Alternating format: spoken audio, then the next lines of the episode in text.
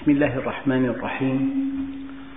الحمد لله رب العالمين والصلاة والسلام على سيدنا محمد الصادق الوعد الأمين.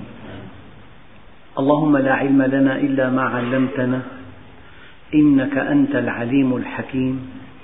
اللهم علمنا ما ينفعنا وانفعنا بما علمتنا وزدنا علما وأرنا الحق حقا وارزقنا اتباعه. وأرنا الباطل باطلا وارزقنا اجتنابه واجعلنا ممن يستمعون القول فيتبعون أحسنه وأدخلنا برحمتك في عبادك الصالحين.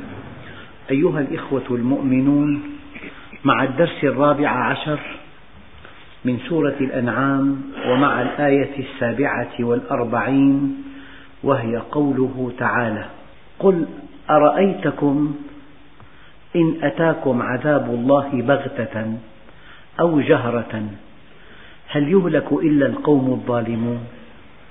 كما يتوهم بعض الجهلة أن المصائب تأتي عشوائيا والعوام لهم كلمة أن الرحمة خاصة والبلاء بعم وهذا الكلام لا أصل له في الدين. قل أرأيتكم إن أتاكم عذاب الله بغتة أو جهرة. قد يأتي بغتة كما قال عليه الصلاة والسلام اللهم إني أعوذ بك من فجأة نقمتك وتحول عافيتك وجميع سخطك. أحيانا يأتي البلاء فجأة خسر بالدماغ شلل ترك منصبه وتجارته وبيته ونشاطاته وسفره واستمتاعه بالحياة انتهى كل شيء. أحيانا حادث. قل أرأيتكم إن أتاكم عذاب الله بغتة أو جهرة؟ في عذاب بينك وبين الله وفي عذاب مهين تحت سمع البشر ونظرهم. يعني في عذاب يكون بينك وبين الله ولعل الله أحيانا يكرم عبده المؤمن بتأديب بينه وبينه بين الله وبين المؤمن. يعني مثلا كيف يؤدب المؤمن؟ بالحجب أحيانا. له مكانته وله سمعته وله احترامه بين الناس ولكن يصلي فلا يشعر بشيء. يقرأ القرآن فلا يتأثر. يذكر الله فلا يبكي. يكسر. بالتعبير المألوف يضام. هذا تأديب بينك وبين الله. لكن أحيانا الإنسان يفضح على رؤوس الأشهاد يشهر به يصبح قصة. فجعلناهم أحاديث لي تشبيه لطيف. الحياة مسرح في خشبة مسرح وفي مقاعد للمشاهدين. فالإنسان إذا كان مستقيم له مع مقاعد المشاهدين مقعد. يرى المسرح وما عليه من مشكلات ومن أزمات ومن فضائح ومن قهر. لكن إن لم يكن الإنسان مستقيما جر إلى خشبة المسرح وصار قصة بين الناس. لذلك بعض العارفين بالله يقول يا رب إني أعوذ بك أن أكون عبرة لأحد من خلقك. اللهم إني أعوذ بك أن أقول قولا فيه رضاك ألتمس به أحدا سواك. اللهم إني أعوذ بك أن أتزين للناس بشيء يشينني عندك. اللهم إني أعوذ بك أن يكون أحد أسعد بما علمتني مني. فلذلك قل أرأيتكم إن أتاكم عذاب الله بغتة أو جهرة؟ هل يهلك إلا القوم الظالمون؟ يعني مستحيل وألف ألف ألف مستحيل أن يهلك من كان مع الله. لأنه إذا كان الله معك فمن عليك وإذا كان عليك فمن معك. وقل لن يصيبنا إلا ما كتب الله لنا. ومعية الله تعني الحفظ والنصر والتأييد والتوفيق. إنا لننصر رسلنا والذين آمنوا في الحياة الدنيا. أم حسب الذين اجترحوا السيئات أن نجعلهم كالذين آمنوا وعملوا الصالحات؟ سواء محياهم ومماتهم ساء ما يحكمون. هل يهلك إلا القوم الظالمون؟ وهل نجازي إلا الكفور؟ هذه قواعد. الله عز وجل يقول يثبت الله الذين آمنوا بالقول الثابت. هذا كلام خالق البشر. في أي مكان كنت في أي بلد في أي نظام بلد متخلف أو متقدم بلد قمعي أو غير قمعي بلد فقير أو بلد غني من أي فئة كنت من أي طائفة كنت من أي شريحة كنت من أي طبقة كنت في أول الزمان في آخر الزمان يجب أن تعلم علم اليقين أن الله سبحانه وتعالى لن يضيع عليك عملك الصالح وما ألتناهم من عملهم من شيء. كل امرئ بما كسب رهين. هي أكبر ضمان هذه الآيات. أم حسب الذين اجترحوا السيئات أن نجعلهم كالذين آمنوا وعملوا الصالحات سواء محياهم ومماتهم ساء ما يحكمون. زارني طبيب وقص علي قصة ملخصها أن امرأة جاءته مع زوجها تشكو ورما خبيثا في صدرها لكن هذا الورم متقدم جدا في مراحله الأخيرة فغضب هذا الطبيب لإخلاصه من زوجها قال له لو جئتني قبل أشهر عديدة قبل سنة احتمال الشفاء كبير جدا. الآن وصل إلى أقصاه قال لي قلت له أنت مجرم في حق زوجتك. قالها بينه وبين الزوج. قال له لا نحن عند فلان ولنا عنده سنة وزيادة ولم يقل ورم خبيث. قال التهاب. ثم همس في أذني أن طالب الطب يعرف أنه ورم خبيث. ولكن أراد هذا الإنسان أن يستبقيه عنده. ليبتز ماله أوهم أنه التهاب ويعطي أدوية التهاب كورتيزون وهكذا. قال لي الزوج فجأة وقع على الأرض كأنه طفل وناجى ربه قال له يا رب إذا كنت موجودا انتقم منه. ربط انتقامه بوجوده لا بعدله. موجودا. يقسم هذا الطبيب أنه جاءه بعد أحد عشر شهرا. شاب لطيف قال لي دخل العيادة متهالك. قال له من الأخ؟ قال له أنا زميلك فلان الطبيب نفسه وقد أصيب بورم خبيث في صدره. أقسم بالله قال لي بحسب خبرتي الطبية يعني كأن هذا الورم بدأ من أحد عشر شهرا. من يوم دعا هذا الزوج عليه. الله كبير. فيا أيها الإخوة إنسان آخر ذاهب إلى مطار دمشق. أراد أن يظهر براعته في قيادة السيارة. ففي جرو صغير على طرف الطريق والأيام شتاء والطريق المعبد أكثر دفئا من التراب. لونه أكثر دكونة من لون التراب بيمتص أشعة شمس أكثر. فاستطاع هذا السائق الماهر أن يقص يدي هذا الكلب الصغير. دون أن يميته ببراعة في القيادة فائقة. وأطلق ضحكة هستيرية. يقول الذي معه في السبت القادم بعد أسبوع في المكان نفسه تعطلت مركبته ويحتاج إلى تبديل عجلة. قال لي رفع المركبة على الرافعة وفك العجلة ففسدت هذه الرافعة فوقعت السيارة على العجلة والعجلة على يديه فهرستا من الرسغ أخذ إلى المستشفى ولا بد من قطع يديه. وقطعت يداه إلى الرسغين كما فعل بالجرو قبل أسبوع. الله كبير. كلما ازددت معرفة بالله ازددت خوفا منه. قل أرأيتكم إن أتاكم عذاب الله بغتة أو جهرة؟ لأن دققوا. هل يهلك إلا القوم الظالمون؟ لا بد من ذكر هذه الحقيقة أيها الإخوة.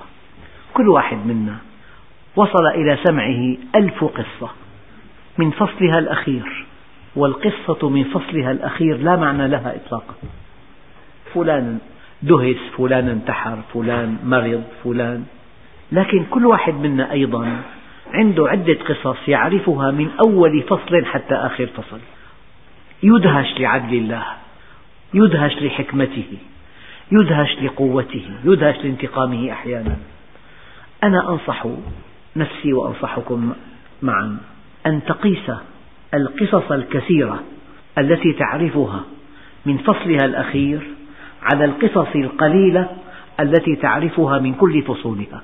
كل هذه القصص التي تعرفها من آخر فصل والتي لا معنى لها تقاس على عدة قصص تعرفها من أول فصل حتى آخر فصل. لأن الله سبحانه وتعالى يقول وهل نجازي إلا الكفور؟ هل يهلك إلا القوم الظالمون؟ نعم. لكن طبعا أتمنى عليكم ألا تفهموا كلامي معمما والتعميم من العمى. الأنبياء الكرام ابتلاهم الله عز وجل لكن ابتلاء الأنبياء ابتلاء كشف. لا تظهر كمالاتهم إلا بالمصائب أحيانا بالطائف. ظهر من هو النبي. والمؤمن يبتلى ليزداد قربا من الله وليزداد رفعة عند الله. أما الحديث عن القوم الظالمين موضوع ثالث. أنا إذا ذكرت أن المصائب تنال الظالم بمعنى أن هذا إنسان خرج عن منهج الله وتطاول على عباد الله وبنى مجده على أنقاض الخلق عندئذ استحق عقوبة الخالق. قل أرأيتكم إن أتاكم عذاب الله بغتة أو جهرة؟ هل يهلك إلا القوم الظالمون؟ وما نرسل المرسلين إلا مبشرين ومنذرين. لذلك الإمام القرطبي رحمه الله تعالى حينما قرأ قوله تعالى أولم نعمركم ما يتذكر فيه من تذكر؟ وجاءكم النذير. الله عز وجل يقول وجاءكم النذير. ما النذير؟ قالوا القرآن الكريم هو النذير لأن فيه مشاهد من يوم القيامة. مصير الإنسان إما إلى جنة يدوم نعيمها أو إلى نار لا ينفد عذابها. فالقرآن نذير والنبي عليه الصلاة والسلام حينما ذكر في أحاديثه الصحيحة أن المؤمن يرى مقامه في الجنة عندما يأتيه ملك الموت فيقول لم أر شرا قط وينسى كل المتاعب التي عاشها في الحياة وأن الذي يموت على غير الإيمان ويرى مكانه في النار يصيح صيحة لو سمعها أهل الأرض لصعقوا. فكما أن القرآن بما فيه من مشاهد يوم القيامة يعد نذيرا كذلك كلام النبي عليه الصلاة والسلام يعد نذيرا وقد شرح أكثر من ذلك فقال سن الأربعين نذير أولم نعمركم ما يتذكر فيه من تذكر؟ يعني من دخل في الأربعين دخل في أسواق الآخرة. والإنسان إذا سافر إلى مكان ومضى ثلثاء الوقت تتغير خطته بعد ثلثي الوقت. يقطع بطاقة العودة يشتري الهدايا يفكر في العودة.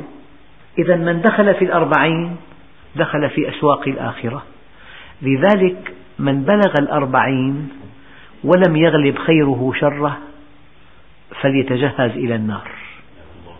وقال القرطبي أيضا سن الستين نذير وصل إلى ما قبل النهاية العظمى معترك المنايا بين الستين والسبعين؟ أخواننا الكرام بربكم وسؤال محرج. ممكن نستيقظ كل يوم كاليوم السابق إلى ما لا نهاية؟ مستحيل. مستحيل. في بوابة خروج أحيانا تأتي من الكبد أحيانا من المعدة أحيانا من الدماغ أحيانا خسرة أحيانا فشل كلوي أحيانا أزمة قلبية أحيانا أحيانا يعني أنواع الأمراض لا تعد ولا تحصى. هذه الأمراض التي سماها النبي مرض الموت ويسمى الآن بوابة الخروج. كيف يخرج الإنسان من الدنيا؟ بمرض أو بحادث. لذلك الحديث الذي يقسم الظهر بادروا بالأعمال الصالحة فماذا ينتظر أحدكم من الدنيا؟ سؤال واضح. كما قلت قبل قليل مستحيل أن نستيقظ كل يوم كاليوم السابق. في يوم من الأيام في طارئ جديد بحياتنا. طارئ على الجسم جديد لم يكن. يبدأ بمراجعة طبيب بتحاليل بتصوير بعملية جراحية بعدين بينتهي بنعوة إذا كان مرض الموت طبعا. ولو كان نبي ولو كان صالح هذه بوابة الخروج. أما أي مرض آخر غير مرض الموت له دواء. لكل داء دواء كلام واضح. فصار النذير القرآن الكريم وكلام النبي عليه الصلاة والسلام وسن الأربعين وسن الستين الآن والشيب. عبدي كبرت سنك وانحنى ظهرك وضعف بصرك وشاب شعرك فاستحي مني فأنا أستحي منك. ولحكمة بالغة بالغة بالغة الإنسان بعد الخمسين أو الستين يشكو من متاعب كثيرة. متاعب بمعدته متاعب بحركته بعظامه بمفاصله بيضعف بصره بيضع بدلة بفمه. كأنها التبدلات رسائل لطيفة من الله أن يا عبدي قد اقترب اللقاء بيننا فهل أنت مستعد له؟ تلاقي الإنسان حينما يأتي الموت وقد عانى من متاعب الحياة ما عانى صدقوا ما أقول. يشتاق للقاء الله عز وجل. أما إذا كان في أعلى درجة من الصحة والنشاط ويؤخذ فجأة قد يكون هذا الانتقال صعبا عليه. الشيب عبدي كبرت سنك وانحنى ظهرك وضعف بصرك وشاب شعرك فاستحي مني فأنا أستحي منك. إلى متى أنت باللذات مشغول وأنت عن كل ما قدمت مسؤول؟ تعصي الإله وأنت تظهر حبه. ذاك لعمري في المقال شنيع. لو كان حبك صادقا لأطعته. إن المحب لمن يحب مطيع. ثم إن المصائب من النذير. لفت نظر. الأمور كلها على ما يرام. فجأة في بالبيت مشكلة. في مشكلة بالصحة بالعمل مع الابن بالعلاقات العامة مع رئيسه في العمل. هذه المصيبة أيضا رسالة من الله. يعني الآن تستخدم كلمات جديدة. إن يقع انفجار يقولون هذه رسالة وصلت. الرسالة دائما شفهية أو كلامية. الآن في مصطلح في الأخبار يعد تفجير بناء رسالة من جهة إلى جهة. الرسالة وصلت.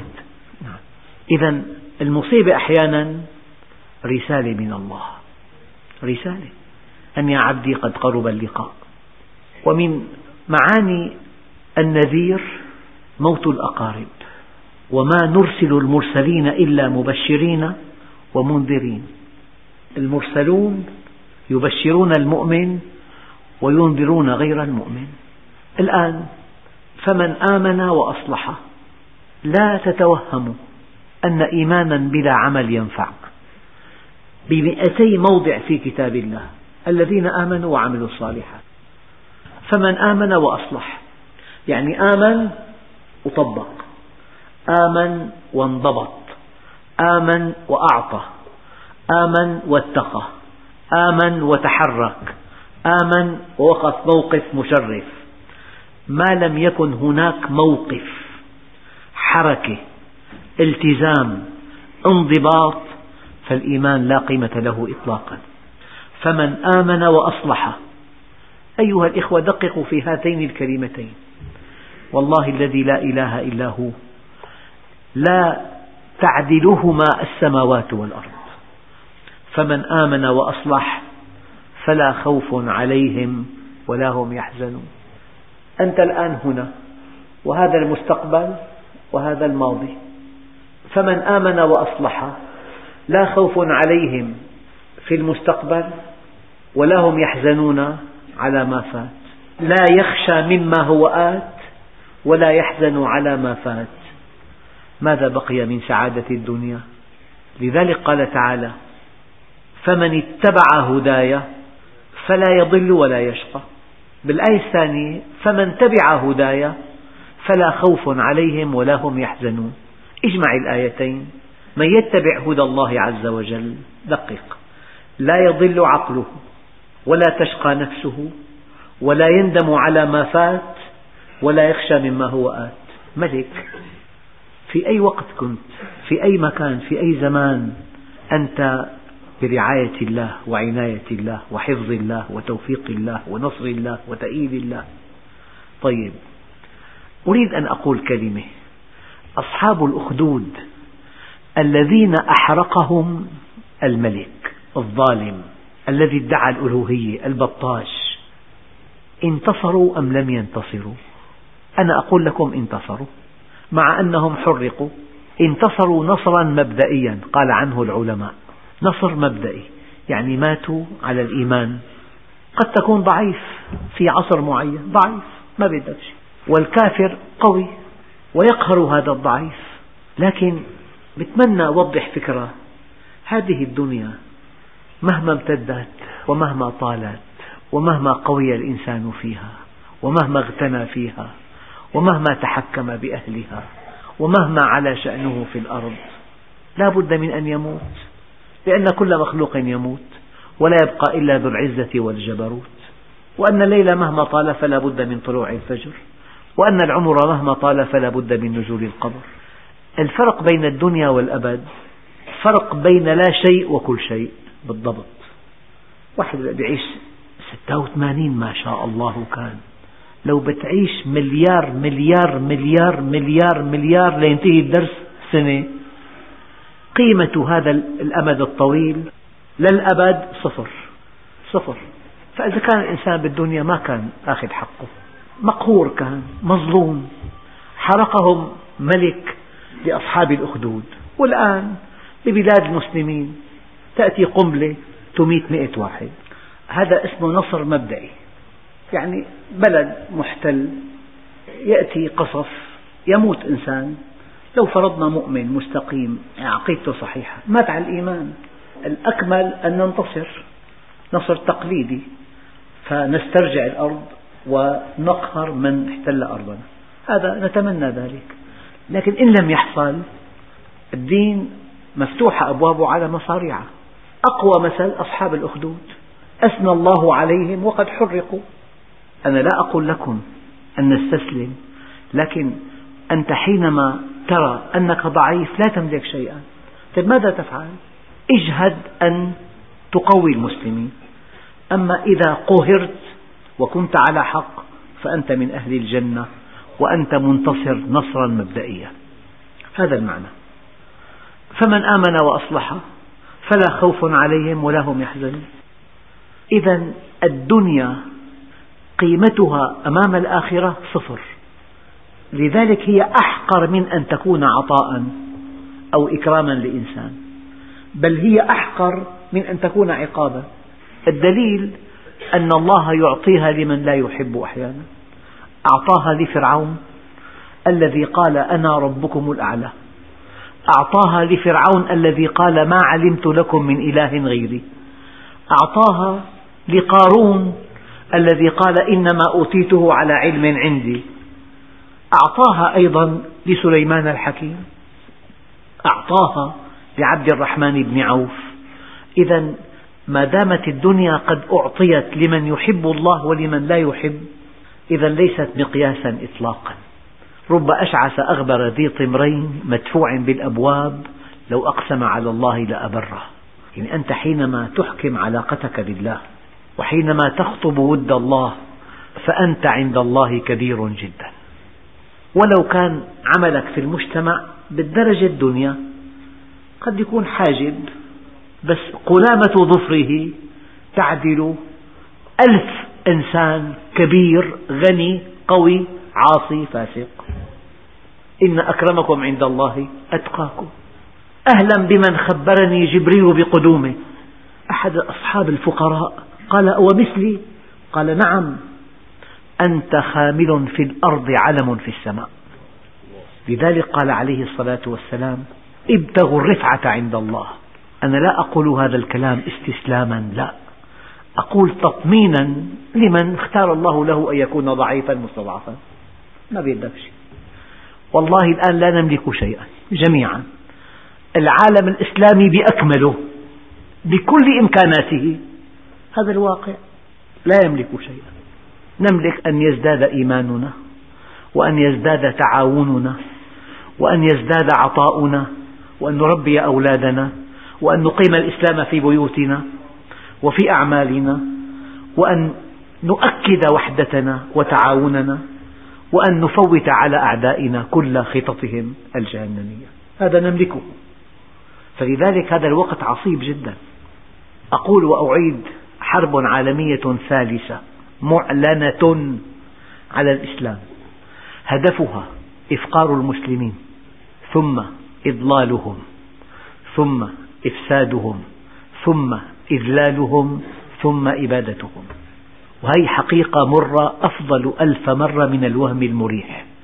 والله موجود وفعال وهو الغفور الودود ذو العرش المجيد فعال لما يريد. لكن إذا هان أمر الله علينا هن على الله. إخوتنا الكرام كلمة من القلب إلى القلب. مستحيل وألف ألف ألف مستحيل. أن تستطيع قوة مهما طغت وبغت أن تفسد على الله هدايته لخلقه. هذا الإسلام شيء لا يصدق. كلما قمعته يزداد قوة. أوضح مثل أنك إذا أردت أن تطفئ النار بالزيت ماذا يحصل؟ تزداد النار اشتعالا. لذلك الآن أكبر دين في العالم في النمو هو الإسلام. بس ما الذي حصل يا أخوان؟ يلي حصل أنه قبل الأحداث الأخيرة كان الغرب قد خطف أبصار أهل الأرض. أخي عالم غني قوي ذكي جميل جدا جامعات قيم أقول لكم وأنا واقعي رائعة جدا. الحرية مو سهلة. حرية الديمقراطية حقوق الإنسان العولمة العولمة احترام جميع الأديان. هي كلها قيم مطروحة هناك. لذلك الغرب خطف أبصار المسلمين. صار معه بطاقة خضراء كأنه دخل إلى الجنة. الجرين كارت. دخل الجنة. بعد الأحداث الأخيرة هنا الإنجاز. بعد الأحداث الأخيرة سقط الغرب كحضارة وبقي قوة غاشمة. أليس كذلك؟ لم يبقى على الساحة الآن إلا الإسلام. ما بقي غيره. على ساحة القيم والمبادئ لم يبق إلا الإسلام. وهذه فرصة لا تعوض. هذا الوقت وقت المسلمين. لأنه في الإسلام خلاص العالم. العالم كله محتاج إلى الإسلام. لأن كل النظم الوضعية أصبحت في الوحل. ولم تحقق للإنسان سعادته ولا سلامته. فلهذا الأنظار جميعا تتجه إلى المسلمين. أما المسلمون أمام خيار صعب. لا يستطيعون أن ينشروا دينهم إلا بشروط ثلاثة. أن يحسنوا فهمه أولا. واحد أراد أن يسلم في مصر. فالتقى بشيخ تقليدي. أبقاه في أحكام المياه ستة أشهر. حتى خرج من جلده ورفض الإسلام. معقول التعقيد. فالتقى بشيخ جليل الإمام محمد عبده فقال له الماء الذي تشربه توضأ منه. انتهى الأمر. نحن الآن بحاجة إلى تبسيط الدين. ما يكون الدين ألغاز وأحاجي ومتاهات وآراء واجتهادات وأدلة وأدلة مناقضة؟ حتى الإنسان يستسلم. ما هذا الدين؟ الدين كالهواء. يجب أن تستنشقه ببساطة. هذا الدين. الدين لا يستطيع أحد في الأرض أن يحتكره. لا جماعة ولا فئة ولا مذهب ولا طائفة ولا عصر ولا مصر. حاجتنا إلى الدين كحاجتنا إلى الهواء. هذا الدين. فلذلك لا بد من تبسيطه ولا بد من عقلنته ولا بد من تطبيقه. لذلك العالم الذي التقى بالجالية البريطانية الإسلامية قال أنا لا أصدق أن يستطيع العالم الإسلامي اللحاق بالغرب على الأقل في المدى المنظور. لاتساع الهوة بينهما ولكنني مؤمن أشد الإيمان أن العالم كله سيركع أمام أقدام المسلمين. لأن في الإسلام خلاص العالم ولكن بشرط الآن دققوا. أن يحسن المسلمون فهم دينهم وأن يحسنوا تطبيقه وأن يحسنوا عرضه. هكذا. مرة كنت بأمريكا وجاءني سؤال من أخت كريمة. قالت لي أنا طبيبة وأنا أضطر أن أصافح الأطباء في المستشفى وحينما لا أصافحهم أقع في حرج شديد. فما الحل؟ بل ما حكم مصافحة المرأة للرجل؟ طبعا الجواب واضح. حرام لقول النبي إني لا أصافح النساء. لكن أردت أن أنقل لها هذا الحكم بطريقة أخرى.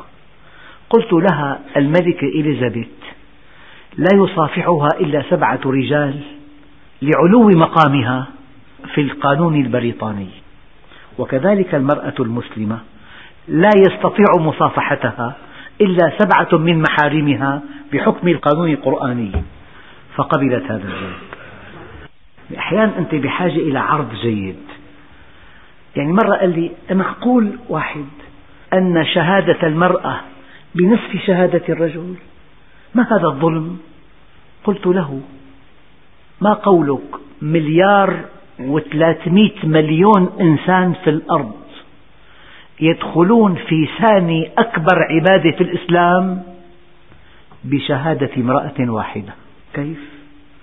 إذا رأت امرأة مسلمة الهلال وأبلغت القاضي الشرعي وكان في اتفاق بين كل المسلمين في الأرض أن يصوموا في يوم واحد.